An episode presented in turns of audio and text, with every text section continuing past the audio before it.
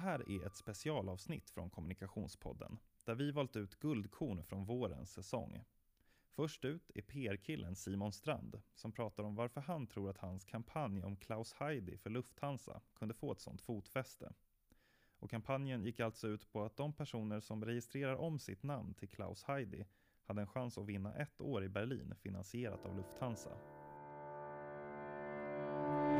Det här är bara en, eh, en eh, liten kort analys från avbytarbänken. Mm. Men det, det känns som att det berättar ju väldigt mycket om vår tid. Ja, precis. Att, du kan, att, att människor enkelt kan med en, kommersiellt, eh, med en kommersiell avsändare eh, ändå gå med på att byta sitt förnamn Mm. och kallas för, nu höll jag på att säga Klaus Kinski, men det är ju en annan person, Klaus Heidi. Ja. Eh, Ja, men det, det är det där, eh, det, det hänger ihop lite med det jag pratade om tidigare, att så här, kommunikation måste vara någonting som görs på riktigt nu för att det ska få effekt.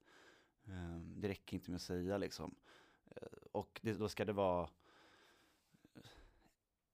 ett agerande som kommer till en viss kostnad, som alltså så här, jag läste någonstans ganska nyligen att så här, Eh, the harder the test, eh, eh, the higher the status. Och lite så är det, fungerar det ju också. Alltså, det ultimata exemplet kanske är snubben som tände eld, tände eld på sig själv i Tunisien och lyckades generera den arabiska våren. Det om något är väl en handling som kräver viss effort. Liksom. mm, ja.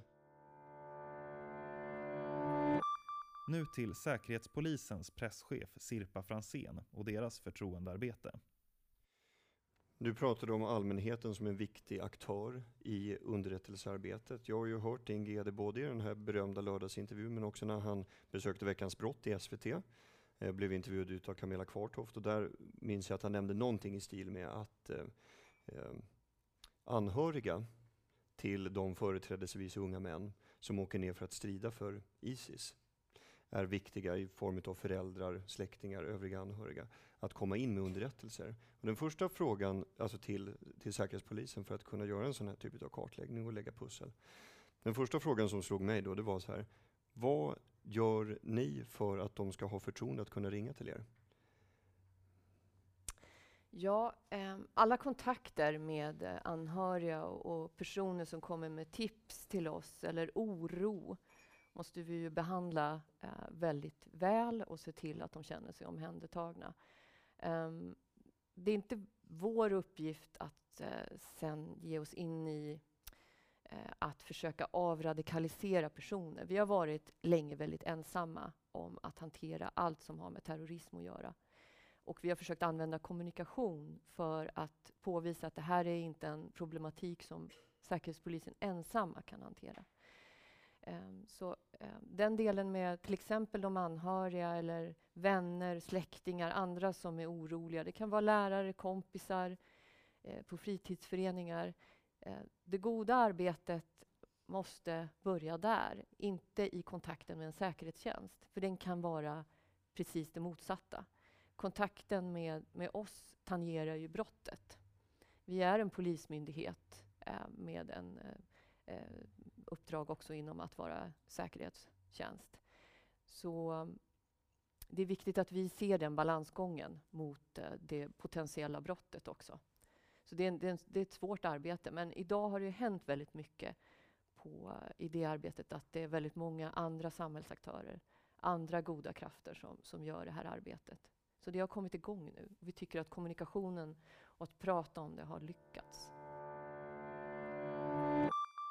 Nu till Vigor Sörman, VD för Youtube-nätverket Splay, som under en liveinspelning på mediedagarna i Göteborg berättade om vad det var som fick honom att överlämna den traditionella tv-branschen för att gå all in i världen av influencers och youtubers. Och varför han tror att det här är en gångbar marknadsföringskanal. De flesta mediekonsumenter känner ju igen dig som reporter i När och fjärran. Det var väl då man först fick liksom, ansikte på dig. Precis. Nu är jag ju egentligen nu för tiden bakom kameran, så Ja. ska ju ingen känna igen mig. Eh, lite... Du gör ju ett ganska dåligt jobb med det om du står här. Nej, men, eh, eh, nej, men dels, dels så jobbade jag som programledare i TV och det, det var egentligen inget aktivt val utan det var som det ofta kan vara i den här branschen, bananskal. Jag sökte ett jobb bakom kameran och fick ett jobb framför kameran så helt plötsligt var jag programledare med hela svenska folket. Eh, men Det sen- brukar ju oftast vara tvärtom för de flesta. Ja, det kanske är. Jag vet inte. Men det är ju bara att gratulera. Ja, nej, men det var jättekul. Men, eh, och där ser man på något sätt, jag tror att när jag började med När och fjärran eh, och var programledare där, då hade vi snittade vi på 1,7-1,8 miljoner tittare på varje program. Och nu tror jag, nu ligger de på någonstans 450 000 tittare på När fjärran i TV4. Och där, det är ganska bra, då kan man se vad som har hänt med TV-mediet bara under de senaste 5-10 åren. Hur mycket det har tappat, både i tittarsiffror men även i relevans hos tittarna. Och det var egentligen det som kanske fick mig att ta, verkligen ta klivet från traditionella TV-branschen in i det digitala. Att när jag började jobba med det här så var det kul och det var just att, liksom, jag tyckte det var häftigt att få jobba med någonting som folk brydde sig om, även om det var liksom någonting så lättviktigt som underhållning. Det som folk pratade om på bussen eller i liksom fikarummet på, på arbetsplatsen. Men idag så pratar inte folk längre om eh, nya tv-format. Man har inte samma intresse, utan man pratar ju snarare genom att man skickar liksom roliga länkar till videos över eh, Facebook med varandra om nya spännande saker som händer digitalt. Det är det som gör ett avtryck idag. Och det är därför jag tyckte det var kul att, att börja jobba liksom helt digitalt. Tittar man idag på dagens tonåringar så är det inte de klassiska liksom popstjärnorna eller Hollywoodstjärnorna som påverkar de unga, utan det är de nya internetstjärnorna, det vill säga drivet utav Youtube-stjärnor, Instagram-stjärnor och Snapchat-stjärnor. Det är de som är de stora påverkarna idag. Och det görs det massa olika undersökningar. Variety till exempel, som är en stor amerikansk eh, underhållningstidning, gör det varje år. Och senast så frågade de just då amerikanska tonåringar vilka är det som påverkar er mest? Och där såg man att eh, de första sex platserna innehas av onlinestjärnor. Det är först på plats sju och åtta som klassiska popstjärnor som eh, Taylor Swift och, och Bruno Mars kommer. Så det är ganska spännande. Och den där listan, den blir liksom, snart kommer hela topp 10 vara täckt, tror jag, nästa år. Och varför?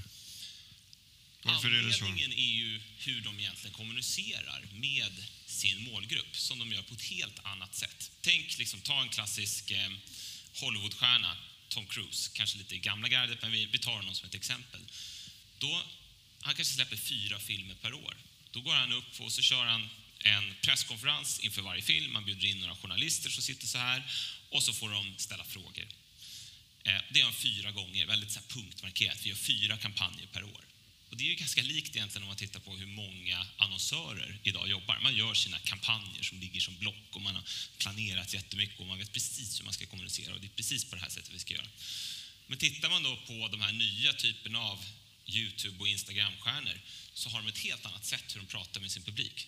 De är i ständigt dialog med dem. De bjuder in sin publik att bli en del utav innehållet och de ser inte ens sin publik längre som en publik utan som familjemedlemmar. Och det är det som gör att de får en så nära relation med sin publik och som i slutändan gör dem till sådana stora påverkare för den målgruppen. För att det vet man ju själv. Man litar ju och lyssnar ju på sina familjemedlemmar eller på sina kompisar. Det är de som man litar och tror allra mest på. Nu till Anders Frostenson, VD för designbyrån Dobermans kontor i New York. Han berättar hur det gick till när den svenska byrån valde att expandera och slå ner bopålar också på en ny kontinent. I, I det här huset som vi sitter precis i närheten av så var det en annan eh, branschkollega från Sverige som jag pratade om. Jag sa att jag skulle intervjua dig idag och då, då sa hon så här, fråga om det här med, med New York. Att, för tydligen var det så här på Dobermann att de bara hade suttit på ett eh, medarbetarmöte och ledningen hade frågat vad vill ni göra? Nej, vi vill flytta utomlands och så sa de gör det då. Var det, var det så enkelt? Ja, det är väl korta versionen. Men det är så att vi på Dobermann jobbar väldigt, väldigt, väldigt mycket vill jag säga med, tre gånger väldigt mycket sa jag där, eh, med inkludering och sam, eh, sambestämmande. Så att varje år, två gånger om året så har vi någonting som vi kallar utvecklingsdagar där vi egentligen stänger ner hela kontoret och jobbar med, eh, jobbar med oss själva. Var är vi på väg? Gör vi rätt saker? Eh, Hur ska vi utvecklas? Så har vi ett sätt, vi är designers, så här kan man designa precis som allting annat. Eh, Ett sätt att verkligen inkludera alla medarbetare oavsett om man är strateg, eh, front-end-utvecklare eller projektledare eller vad det nu må vara. Så det var under en av de här utvecklingsdagarna som temat på internationalisering kom upp. Vi jobbade vi ganska intensivt med det under ett par dygn tillsammans. Eh, alla, vi kanske var 60 personer på den tiden. Eh, och eh, utkomsten av det var egentligen så här, ja, vi vill växa internationellt. Vi tror att vi är redo för det.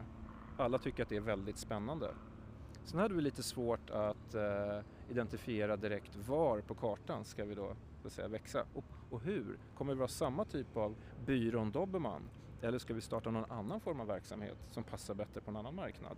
Så det där var väldigt, ett väldigt utforskande, ett väldigt prototypande som pågick där. Men det landade i att vi eh, ganska snabbt kunde tillsammans eh, och göra egentligen med en fysisk röst i rummet. Man får ställa sig i vänster eller höger hörn egentligen. Så här, ska vi åka till västkusten och försöka öppna ett kontor för Dobermann där? Eller ska vi åka till östkusten, det vill säga New York och öppna ett kontor där? Så röstar vi. Uh, och det är på den vägen är det. Och, uh, de flesta röstade för New York. Mm. Och då tog vi det beslutet tillsammans. Då åker Anders till New York och så prototypar vi det. Vad, vad var de största argumenten skulle du säga då för att um välja just den staden. Hur, hur gick tankarna?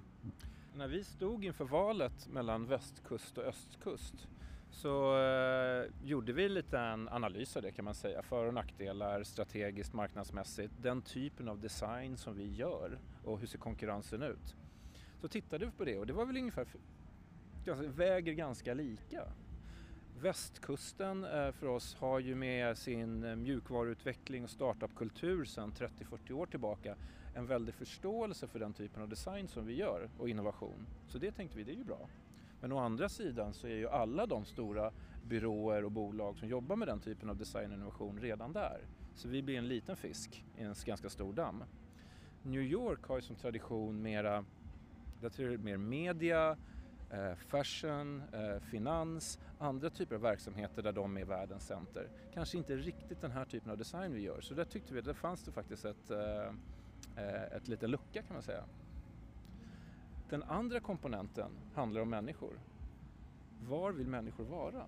Så när vi gjorde en sån snabb röstning tillsammans eh, på Dobermann i Stockholm så var de flesta, röstade de flesta för New York. Och då fick man göra en sån ögonblicksröstning, man får, man får rösta med, med magkänslan.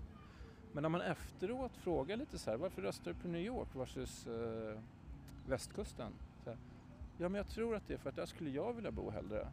Okej, okay, bra. Det är en väldigt tydlig indikator när man ska rekrytera, man ska få föra över folk, man ska flytta kanske med sina familjer. Då gäller det att vara på en plats där folk faktiskt vill bo. Sist ut är stunden från South by Southwest i Austin, Texas, där vi från Kommunikationspodden tidigare i år fick tillfälle att se och lyssna till Obama.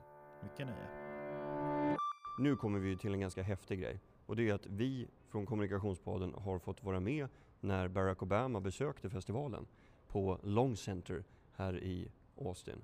Och vi fick vara med och, och spela in en del utav, eller hela intervjun. Det var ganska coolt. Vad, vad var känslan? Vad säger du Hugo? Jag tyckte att, eh, för oss är det självklart stort att se, men jag tror att även för Austinborna så var det stort. Han brukar ju inte komma hit överhuvudtaget och nu satt han här och hade ett avslappnat samtal med, med The Texas Tribune då. Ja, vi kommer ju märka att eh, han som är director för hela South by Southwest, eh, Mr Forrest, han kommer att inleda ganska snart här och, och berätta, presentera president Obama. Och eh, han säger att det, det, det är liksom det största som har hänt på hela, alla de 30 år som festivalen har varit igång. Måste säga att det var ganska coolt, tycker jag personligen, att få en sån här press coverage badge av Vita husets administration. Sen så, jag såg liksom aldrig Frank Underwood och Carrie Matheson, fast det, det kanske har sina förklaringar. Ja, typerna fanns några kanske där ändå. Ja, det fanns ju några riktigt bitiga eh, livvakter. Det är tur att man är där med rent mjöl i påsen. Ja, eller Vi går vidare till inspelningen på Long Center i Austin.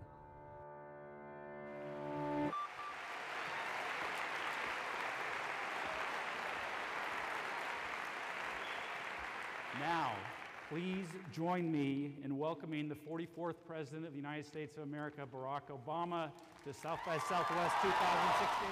Ja, alltså nu applåderar de ju ganska länge här, så vi hinner faktiskt säga att den som intervjuar Barack Obama är Evan Smith som är VD för dagstidningen The Texas Tribune. Och hela samtalet med Obama rör samverkan mellan techindustri, näringsliv och den amerikanska regeringen. Men de hann också prata om Snowden, Apple, FBI, integritet på nätet och mobil och vad Obama kommer göra sen. För om tio månader så lämnar han Vita huset för gott. Hi, Mr. President. It's good to see you, and hello, Austin.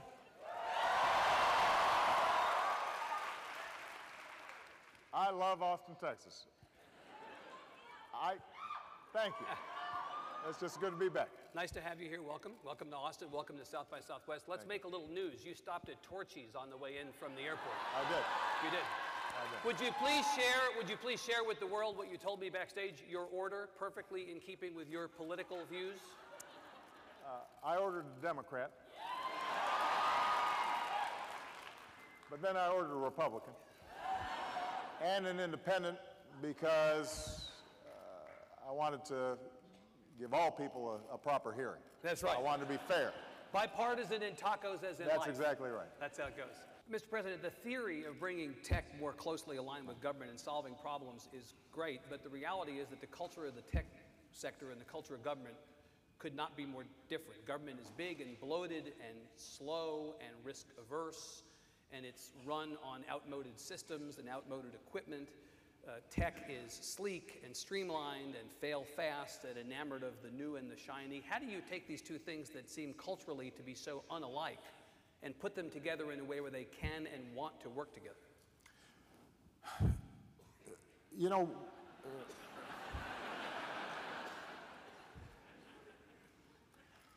well, let me give you an example of the big and the bloated and the frustrating. Uh, you may recall that uh, I passed this law called the Affordable Care Act to sign people up for health care. And, uh, and then the website didn't work. I heard that. He- heard that, yeah. And this was a little embarrassing for me because, you know, I was the cool early adapter president. Right. And Not- not exactly my- an advertisement My entire campaign had been premised on having really cool technology. Yeah. And, and, and social media and, and all that. Well, he- here's what happened was that the procurement systems, the specifications, the way that software was built in government uh, was adapted for the age when you know, procurement was for buying boots or buying pencils or, uh, or buying furniture as opposed to buying software. And so there's an example of an outdated system, bloated, risk averse, not working well. Here's what happened as a consequence of healthcare.gov breaking down, though. We had to bring in a SWAT team of all my friends from uh, Silicon Valley and from Austin and, and uh, some of the best software engineers in the world to come in and fix it, which we did in about three, four months' time. Uh, and what we realized was that we could potentially build a, a SWAT team, uh, a, a- a world-class technology office inside of the government that was helping across agencies. Yep. We've dubbed that the, uh, the U.S. Digital Services. And we've got some of the top talent from Google, from Facebook, from you know, uh, all the top uh, tech companies. These folks are coming in, in some cases for six months, in some cases for two years. And they are making an enormous difference in making sure that veterans are getting services on time, fixing outdated systems, Yep. uh, making sure that uh, agencies like the Small Business Administration that uh, has been clunky is redesigning itself so that uh, if an entrepreneur wants to start up a business here in Texas, that they can go to one spot and Yep. within a day, uh, they've handled all the regulatory red tape that used to uh, require them maybe months to navigate. I tried to break it back in 2007, 2008 when I ran for this office. As you will recall, the slogan was not, yes, I can. It was, yes, we can. A bunch of people wanted me to ask you about Apple and the situation with Apple and, and the FBI. Um, you're trying to persuade the tech community that they should work with government, but it looks to the tech community, at least some in the tech community, that government is the enemy of the tech community in the way that it's dealing with Apple. Some in the tech community. The question I want to ask you is putting aside the specifics of this specific case, the legal fight between the company and the FBI, there are big questions around the idea of how you balance the need for law enforcement to conduct investigations and the needs of citizens to protect their privacy. This is the old privacy versus security debate. Mr. President, where do you come down on the privacy versus security debate? Well, first of all, I can't comment on the specific case. Right. So let's set that aside. Um, all of us value our privacy, and this is a society that is built on a constitution and a Bill of Rights and a, um, a healthy skepticism about overreaching government power. Uh, before smartphones were invented, uh, and to this day, if there is probable cause to think that you have abducted a child or that you are engaging in a terrorist plot or you are guilty of some serious crime, law enforcement can appear before your, at your doorstep and say, uh, I, we have a warrant to search your home, and they can go into your bedroom and into your bedroom doors and rifle through your uh, underwear uh, to see if there's any evidence of wrongdoing.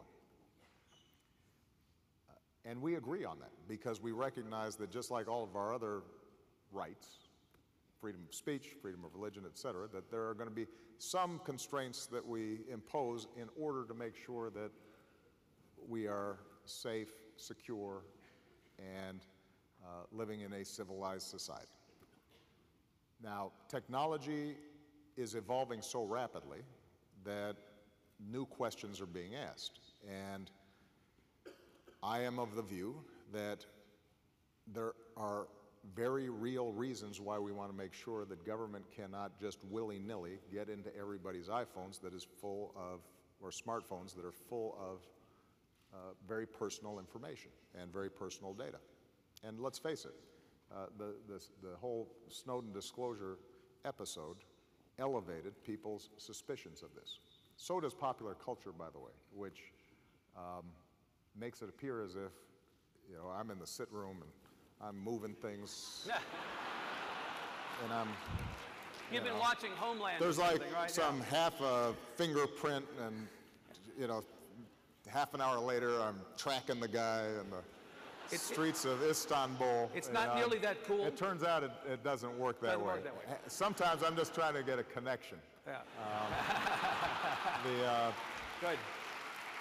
no, but, but, but look, we, we, the, the, uh, uh, that was a real issue. I will say, by the way, that, uh, and, and I don't want to go too far afield, but the Snowden issue um, vastly overstated the dangers to U.S. citizens in terms of spying, because the fact of the matter is, is that actually our intelligence agencies are pretty scrupulous about uh, U.S. persons, people on U.S. soil. Uh, what those disclosures did identify were excesses overseas with respect to people who are not in this country. A lot of those have been fixed. Don't take my word for it. Um, there was a panel that was constituted, uh, an independent panel that just graded all the reforms that we set up uh, to avoid those charges. But, the, but I understand that that raised suspicions, all right? So, so we're concerned about privacy.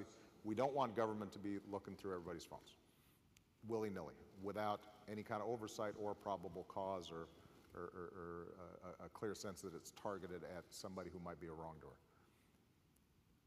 What makes it even more complicated is the fact we also want really strong encryption. Because part of us preventing terrorism or preventing uh, people from uh, disrupting the financial system or our air traffic control system or uh, a, whole other set of systems that are increasingly digitalized is, is that uh, hackers, state or non-state can't just get in there and, and mess them up. So we've got two values, both of which are important. Right. Right? And the, the question we now have to ask is if technologically it is possible to make an impenetrable device or system where the encryption is so strong that there's no key, there's no door at all, then how do we apprehend the child pornographer? How do we solve uh, a or disrupt a terrorist plot? What mechanisms do we have available to even do simple things like tax enforcement? Because if in fact you can't crack that at all, government can't get in, then everybody's walking around with a Swiss bank account in their pocket. All right? So, so there has to be some concession to the need to be able to get into that information somehow. Now, what folks who are on the encryption side will argue is any key whatsoever, even if it starts off as just being directed at one device, could end up being used on every device. That's just the nature of these systems. Um, that is a technical question. I am not a software engineer.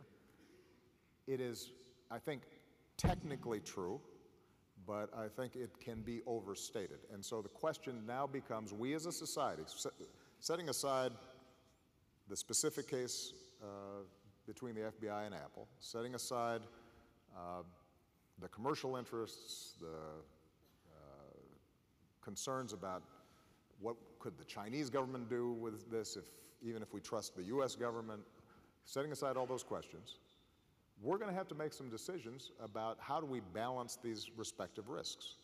Um, and I've, I've got a bunch of smart people sitting Yep. there talking about it, thinking about it. We have engaged the tech community aggressively to help solve this problem. What I, my conclusion so far is, is that you cannot take an absolutist view on this. So if, if your argument is strong encryption no matter what, and we can and should in fact create black boxes, then I, that I think does not strike the kind of balance that we have lived with for 200, 300 years, and it's fetishizing uh, our phones uh, above every other value, and that can't be uh, that can't be the right answer. I, I suspect that the answer is going to come down to how do we create a system where the encryption is as strong as possible, the key is as secure as possible, it is accessible by the smallest number of people possible for a subset of issues that we agree are important. How we design that is not something that I have uh, the expertise uh, to do, but, but I caution, you know, I, I am way on the civil liberties side of this thing. I, I, um, you know, Bill McRaven will, will tell you that I, I anguish a lot over the decisions we make in terms of how to keep this country safe, and I am not interested in overthrowing the values that uh, have made us an exceptional and great nation uh, simply for expediency. But the dangers are real. Maintaining law and order and a civilized society is important. Protecting our kids is important. And so I would just caution against taking an absolutist perspective on this. Because we make compromises all the time. We, you know, I haven't flown commercial in a while. Um, but my understanding is it's not great fun going through, uh, going through uh, security. No, But we make the concession because it's a very it's a big intrusion on our privacy, but we, we recognize it as important. We have stops for drunk drivers. It's a, it's, it's a, it's a, an intrusion, but we think it's the right thing to do. And, and this notion that somehow our data, you know, is different and, can be walled off from those other trade offs we make, uh, I believe is incorrect.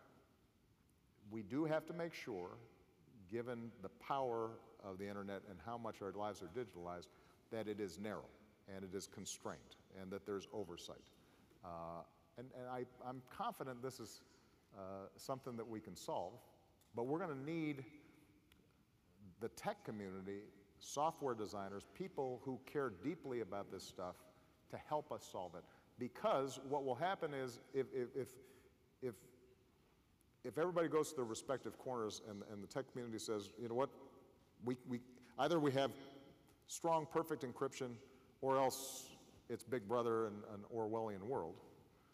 Uh, what you'll find is that after you know, uh, something really bad happens, the politics of this will swing and it will become sloppy and rushed, and it will go through Congress in ways that have not been thought through. And then you really will have a danger to, to, to, our civil liberties because we will have not done, the, the, the people who understand this best and who care most about privacy and civil liberties have, have sort of uh, disengaged uh, or have taken a position that is not sustainable uh, uh for the general public as a whole over time. Um, you know, in 10 months, I will not have this office. It has been the great privilege of my life, but it's not like I stop caring about the things that I care about right now. And it's not like I'm going to stop being involved in promoting uh, the best, uh, most prosperous, most peaceful, most tolerant, most uh, you know, ecologically responsible America uh, that I can. Uh, I'll be sitting in an audience with you. And I expect you to step up and get involved uh, because the country needs you. And if the, the brain power and talent that's on display here today and throughout uh, this conference uh, takes up that baton, uh, then I'm going to be really confident about the future of this country. All right? Thank you, Mr. Thank you, President. guys. Mr. President, thank you so much. Right. Really enjoyed it.